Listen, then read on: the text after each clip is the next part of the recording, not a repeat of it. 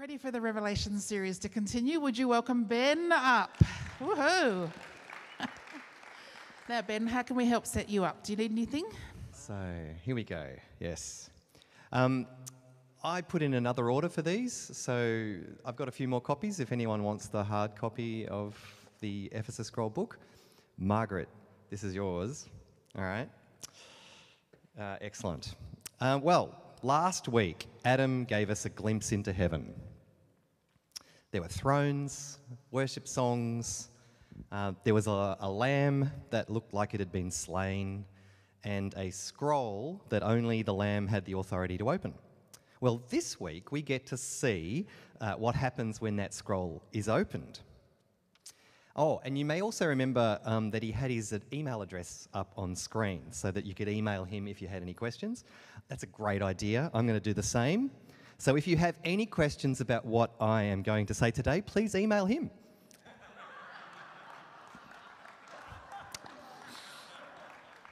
All right. Um, before we get into Revelation chapter 6 and 7, uh, we do need to take a short detour into the Old Testament. Um, in the New Testament, the aspect of God's uh, character that is to the fore uh, is His grace, uh, seen supremely in the death of His Son on the cross as an atoning sacrifice for the sins of the world. In the Old Testament, however, the predominant aspect is arguably God's justice. And that justice is usually uh, expressed as judgment against sin. Well, in the book of Revelation, God's justice is also being emphasized uh, to encourage the struggling Christian church. Um, in, in order to encourage them, uh, John actually wants to show that the non Christian world uh, will be judged. So it's not surprising that then John uses a lot of Old Testament judgment language. Um, at times, he uh, makes partial quotations or allusions to Old Testament texts. And at other times, he just uses the traditional means of judgment references to war, famine, plague, earthquakes, and cosmic destruction. Well, there are some paradigmatic examples that we could look at if we had more time. Um, oops, pointing the wrong way. Here we go. Um, the flood. Now, if we remember when Jesus is predicting the destruction of Jerusalem, so he uh, in Mark 13, Matthew 24, he refers to as it was in the time of Noah. Uh, so the flood was a, um, a thing that they, they reference. Uh, we also have the plagues on Egypt. Uh, a lot of the destruction uh, that will come up in the book of Revelation um, references or, or echoes uh, the plagues of Egypt. And then there are the curses for disobedience that uh, Deuteronomy 28 and 32 reference. Um, it always um, makes me sort of chuckle, I guess, um, at the, the way that Deuteronomy passage, um, where the emphasis lies. So if you remember, um, Moses um, says, there are blessings here if you follow the law and do the, do the right thing, and that takes about half a chapter.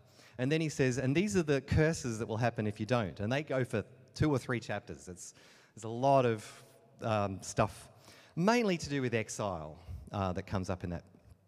But we don't have time for any of that. Instead, um, I want to look at something um, called the Day of the Lord, um, and particularly the language of cosmic destruction uh, that goes along with it. So here's a passage from Isaiah 13. See, the day of the Lord is coming, a, a cruel day with wrath and fierce anger, to make the land desolate and destroy the sinners within it. The stars of heaven and their constellations will not show their light. The rising sun will be darkened, and the moon will not give its light.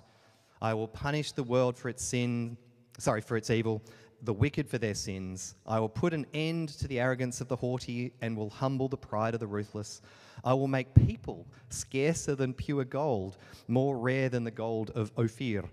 Therefore, I will make the heavens tremble, and the earth will shake from its place at the wrath of the Lord Almighty in the day of his burning anger. This passage is part of a prophecy against Babylon. And just a few verses earlier, we find that Isaiah is talking about an army that God is going to raise up to punish Babylon for what they did to Israel. Listen, a noise on the mountains like that of a great multitude. Listen, an uproar among the kingdoms like nations massing together. The Lord Almighty is mustering an army for war. They come from faraway lands, from the ends of the heavens, the Lord and the weapons of his wrath to destroy the whole country. And we know from history uh, that Babylon was overthrown by the Persians. However, when the Persians defeated the Babylonians, the sun, the moon, and the stars were not destroyed.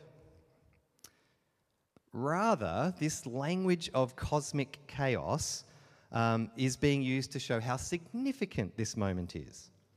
The, the cosmic destruction in the heavens symbolizes that God is indeed using the Persians as his instrument of judgment upon Babylon, which is taking place on the earth. Um, we can see a similar thing happening in Jeremiah. I looked at the earth, and it was formless and empty, and at the heavens, and their light was gone. I looked at the mountains, and they were quaking, all the hills were swaying. I looked, and there were no people, every bird in the sky had flown away. I looked, and the fruitful land was a desert. All its towns lay in ruins before the Lord, before his fierce anger. Well, this is even stronger language than the Isaiah passage. The reference to formless and empty uh, deliberately alludes to Genesis 1, verse 2, when um, the, you know, the world was formless and empty. Um, and so Jeremiah is describing an uncreation, a reversal of creation in a way. It's a return to that pre creation chaos. And again, the wider context is about judgment coming upon a nation. This time, the nation is the, uh, the southern kingdom of Judah, Jerusalem, um, at the hands again of another army. Is it up there? Yep. Tell this to the nations, proclaim concerning Jerusalem a besieging army is coming from a distant land, raising a war cry against the cities of Judah. Now, if you remember your story of Jeremiah, you'll know that he was worried about his message not coming true. Because if the things that he had prophesied did not eventuate, then he would be labeled a false prophet. So, this passage You deceived me, Lord, and I was deceived. You overpowered me and prevailed. I am ridiculed all day long. Everyone mocks me. Whenever I speak, I cry out, proclaiming violence and destruction. So, the word of the Lord has brought me insult and reproach all day long. I hear many whispering, terror on every side. Denounce him. Let's denounce him. All my friends are waiting for me to slip, saying, Perhaps he will be deceived. Then we will prevail over him and take our revenge on him. All right, so he's really worried about being labeled a false prophet if Jerusalem isn't destroyed. And yet, when Jerusalem is destroyed by the Babylonians, Jeremiah's enemies did not denounce him as a false prophet because the sun, the moon, and the stars were still shining. The uncreation that he talked about didn't happen literally. So these passages, I think, from the Old Testament demonstrate that this over the top judgment language was not meant literally, and everyone knew that. Rather, this end of the world language was being used metaphorically, like when we say that something significant happened, that it was an earth shattering event. It's not that the earth is literally shattered, it's just saying how significant that event is. Now, some people uh, worry about the word metaphorical. They sort of think metaphorical um, means it's not happening or something. Um, but metaphorical does not mean abstract.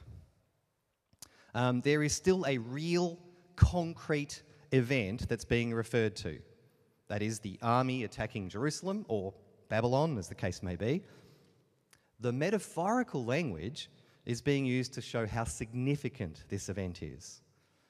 Sort of, it's like the on earth as it is in heaven, the idea. If things are happening in the heavens, that shows how significant the things that are happening on earth are. All right, now there are lots of other Old Testament passages that we could look at, but we have to get into uh, Revelation now. Um, I'm assuming that you've read Revelation 6 and 7. If you haven't, now you've got homework. And then, of course, for next week, because I'm preaching again, I'm expecting that you will have read chapters 8 to 10. All right? Um, we're not going to have enough time to read through um, the passage, unfortunately.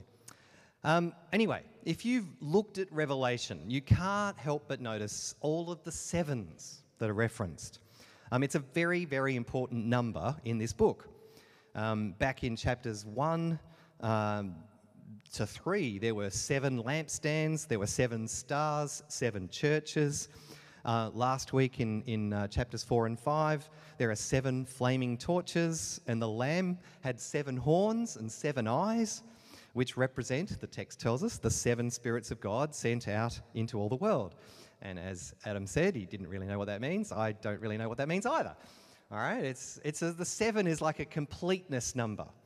Um, and then, as a bit of a head into the, into the future, um, six is a diminishing of the perfect number seven.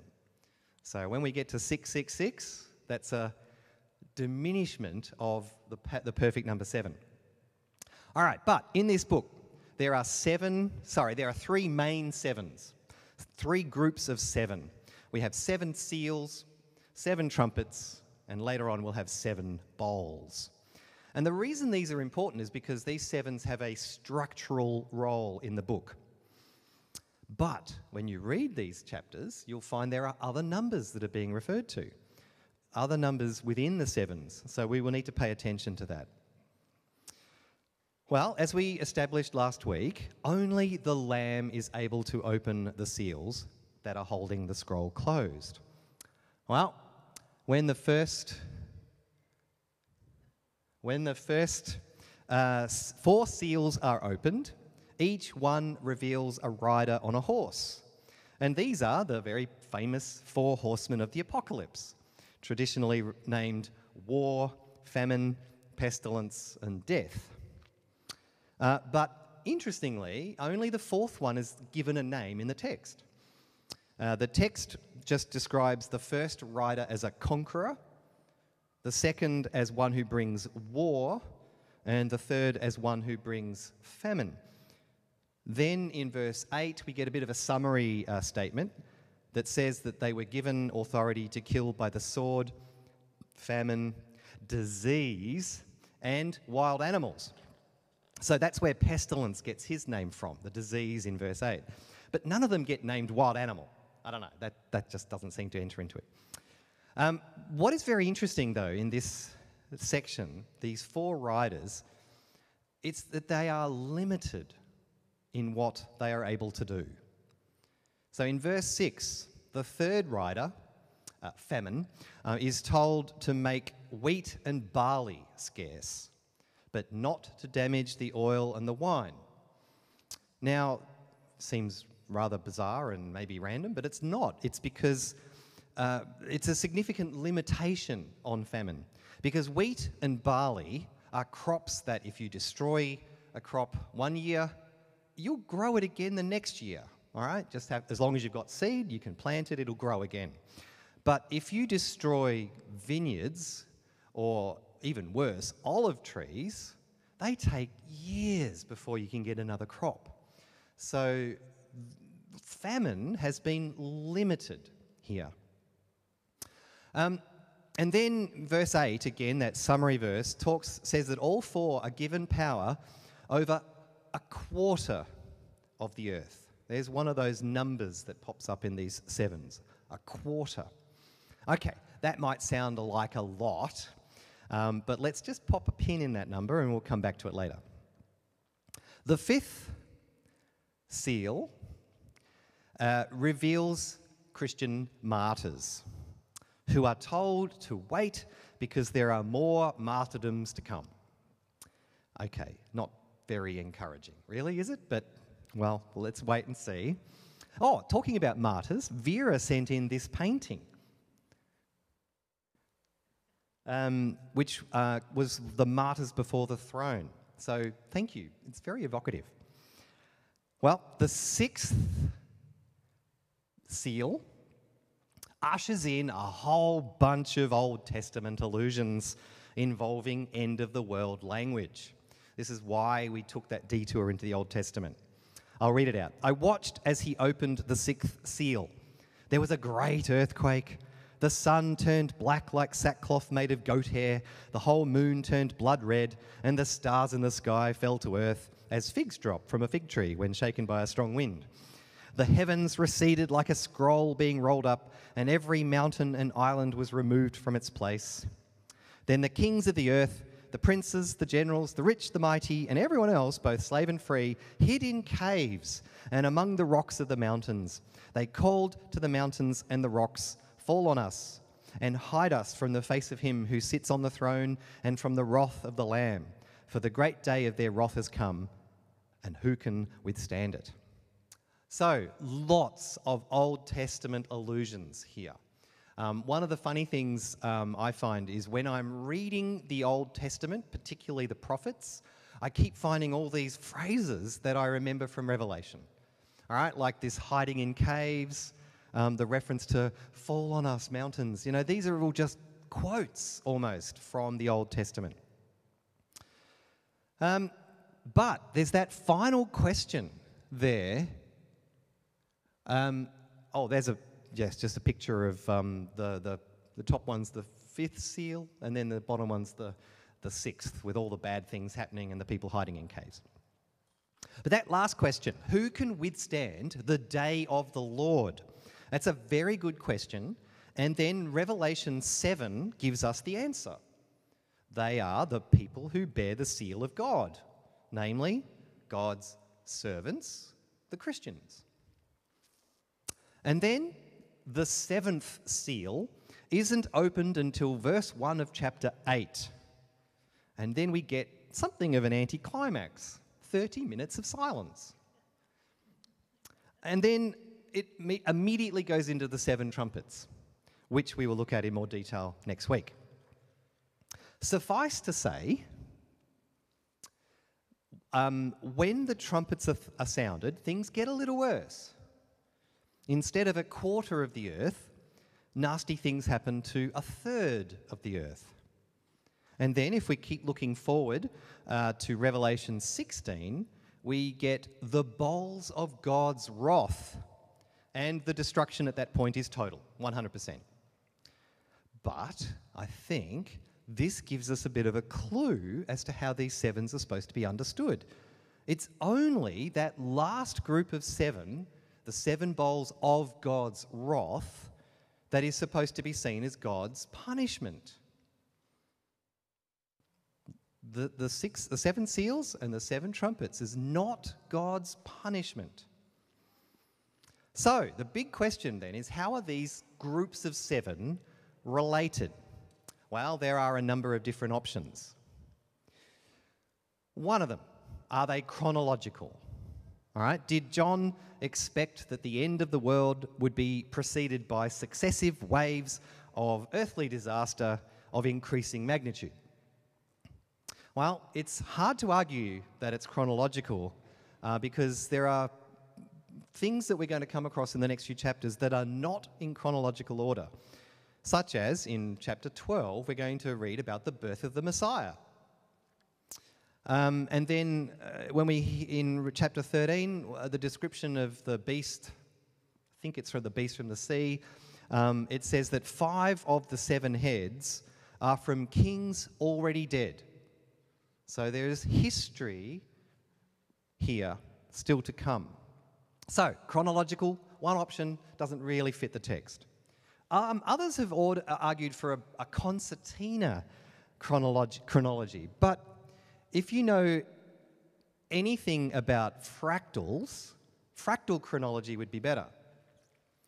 And if you don't know anything about fractals, I apologize. I, I just like fractals. Um, but the point is, um, maybe the seven trumpets occur during the period that's covered by the seven seals, and then the seven bowls occurs sort of within the period covered by the seven trumpets. Um, the idea is that you know John is focusing more and more in on the end. So we get the, the, the, the seven um, seals, then he gives us the seven trumpets, all fitting into that bit. And then if you go in even further, once you get to the seventh trumpet, you get all the seven bowls. All right? Sort of getting smaller and smaller, but focusing in. It's possible that that's what he has in mind, but it actually still doesn't get out of the problem of those uh, non chronological elements that I mentioned before. So, what is a, another alternative? Well, artistic. An artistic presentation. Um, this is a great quote that comes out of um, G.B. Caird's commentary. John is like an expert guide in an art gallery, lecturing to students about a vast mural. First, he makes them stand back to absorb a general impression, then he takes them close to study the details. In John's symbolic language, seven is the number of completeness, and the sevenfold visions, seals, trumpets, and bowls, are his general views of the totality of divine judgment. Then, in between the sevens, the unnumbered visions are his close ups, his studies of detail. Well, I think this fits because, as Adam said last week, the scroll contains God's redemptive plan of salvation, in which he will assert his sovereignty over a sinful world and achieve the purpose of creation. So, this means John will be shown not, not just future events, but the whole operation of this plan, from its beginnings in the cross to its triumphal conclusion, culmination in the new heavens and the new earth. And remember those numbers, that, that progression from a quarter to a third to a whole. That's significant too, and we'll get to the trumpets next week. And I'll explain what I think is going on with those numbers. Uh, but for now, just think about what was revealed as those seals were opened. All right, we had war, famine, pestilence, death, earthquakes, cosmic language chaos stuff, martyrdoms, all right, all of that. Then try to imagine what it would be like if you were in the first century. And then how would the early church receive this vision? Um, I think it's actually really interesting that in the last four decades of the first century, the following disasters occurred. There was a serious, um, some serious earthquakes in AD 60. In AD 62, the Roman army suffered a humiliating defeat on the eastern frontier at the hands of the Parthians. More specifically, uh, fitting the church, there was persecution of Christians that followed the Great Fire of Rome in um, 64 AD. Then, after Nero suicided in 68 AD, there was a year of political chaos and battles as four rival claimants to the throne battled it out. Then, um, from 66 to 70 AD, there was the four year horror of the Jewish war that ended with Jerusalem in ruins. Mount Vesuvius erupted in 79 AD, that actually created a pall of darkness so widespread that people feared that was the it, that was the end of the world. And then in uh, 92 AD, there was a really serious grain famine. So, wars and famines, various sicknesses navigated without vaccines and medications, and volcanoes to boot. If you had lived through all of that, what would you have made of the, of the events accompanying the seven seals? Well, my personal thought is that you would think that sounds like everyday life. Everyday life. Um, I think we in the West have had it easy. Well, not so much recently, right? Um, we've had a pandemic, and now there's this terrible war in the Ukraine the planet is getting hotter and wilder. Um, there's a talk about grain shortages. Um, I'm think, I think we're learning uh, that a stable, peaceful, healthy existence is actually not normal. Especially if we think about what the rest of history was like. So, John is trying to encourage that struggling, persecuted church living around about the 90s in that first century that all of those terrible, life threatening events are all part of God's divine plan of salvation, even the martyrdoms that they were facing. So basically, John's vision of the seven seals is intended to assert Christ's sovereignty over a world that involves conquest, war, famine, death, and even martyrdom. All right, well, we need to look at um, chapter 7 now, too. Just a quick squiz. Um, this chapter 7 is a great example of something that happens a few times in the book of Revelation. And we had it happen last week. Um, there is a significant difference between what John hears and what he sees. If you think back to Revelation 5, John hears one of the elders say, the lion, see, the lion of the tribe of Judah, the root of David, has triumphed. Well, these are all Old Testament references to the Messiah. But then what does John see? He doesn't see a lion, he sees a lamb looking as if it's been slain. Well, in Revelation 7, we get another example of this. John um, hears someone talking about putting a seal on the foreheads of uh, God's servants, and then he hears a census involving the 12 tribes of Israel 12,000 from each, leading to a total of 144,000. There are passages like this, censuses like this, in the Old Testament. Chronicles has a few, uh, as an example. Now, this 144,000, um, that figure the Jehovah's Witnesses take that quite literally, that number, quite literally. Um, but they're missing what's going on here. Because what John has heard is an Old Testament census. But then he sees an uncountable multitude of Christian martyrs from every nation, tribe, people, and language, singing songs with lyrics, very much like a couple of the songs we sang today. Thanks, Trav. So, what's going on with this hearing sight mismatch? Well, here's Caird again. I like Caird, in case you hadn't uh, noticed. Um, in John's vision of the heavenly council, he heard a voice speak of the Lion of Judah, and when he looked to see this lion, he in fact saw a lamb. The scriptural image had been transformed by the historic fact. So, in the present passage, um, Revelation 7, what John hears is the scriptural image of the army of Israel. But what he sees is the Christian fact of the noble army of martyrs.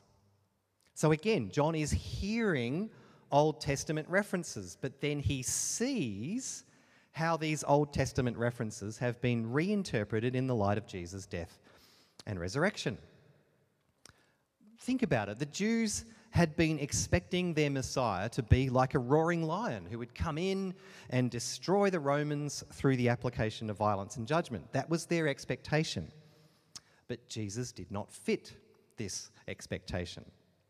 While he accepted the title of Messiah, he then subverted those expectations, dying the death of a failed Messiah he was ignominiously crucified by the very Romans he was supposed to be destroying. So the Lion of Judah has become the lamb that was slain. And yet, Jesus' resurrection was a vindication that this was God's plan all along. Now, similarly, in this chapter, chapter 7, the 12 tribes of Israel which was essentially a closed and limited group, has been thrown open to all people from every nation, tribe, people, and language group, all able to come into the family. And then the chapter ends with a little glimpse of the ultimate end that we will find out a lot more about when we get to Revelation 21 and 22. So they are before the throne of God. This is the, the Christian martyrs. They are before the throne of God and serve him day and night in his temple. And he who sits on the throne will shelter them with his presence. Never again will they hunger, never again will they thirst. The sun will not beat down on them, nor any scorching heat. For the Lamb at the center of the throne will be their shepherd. He will lead them to springs of living water, and God will wipe away every tear from their eyes. And look at all these Old Testament quotes again um, Isaiah 49:10 and Isaiah 25:8. So once again, we, we see that John is encouraging the church. Martyrdom is inevitable. It's a result of one's faith in, in Jesus. It's inevitable. It's part of normal life. And it certainly was in the first century with Nero blaming the Christians of Rome for the Great Fire in 64 AD. And there is evidence of wider spread persecution under Domitian in the 90s AD, during the very period in which uh, the book of Revelation was most likely written. And then things get really bad under Diocletian, and um, like really bad.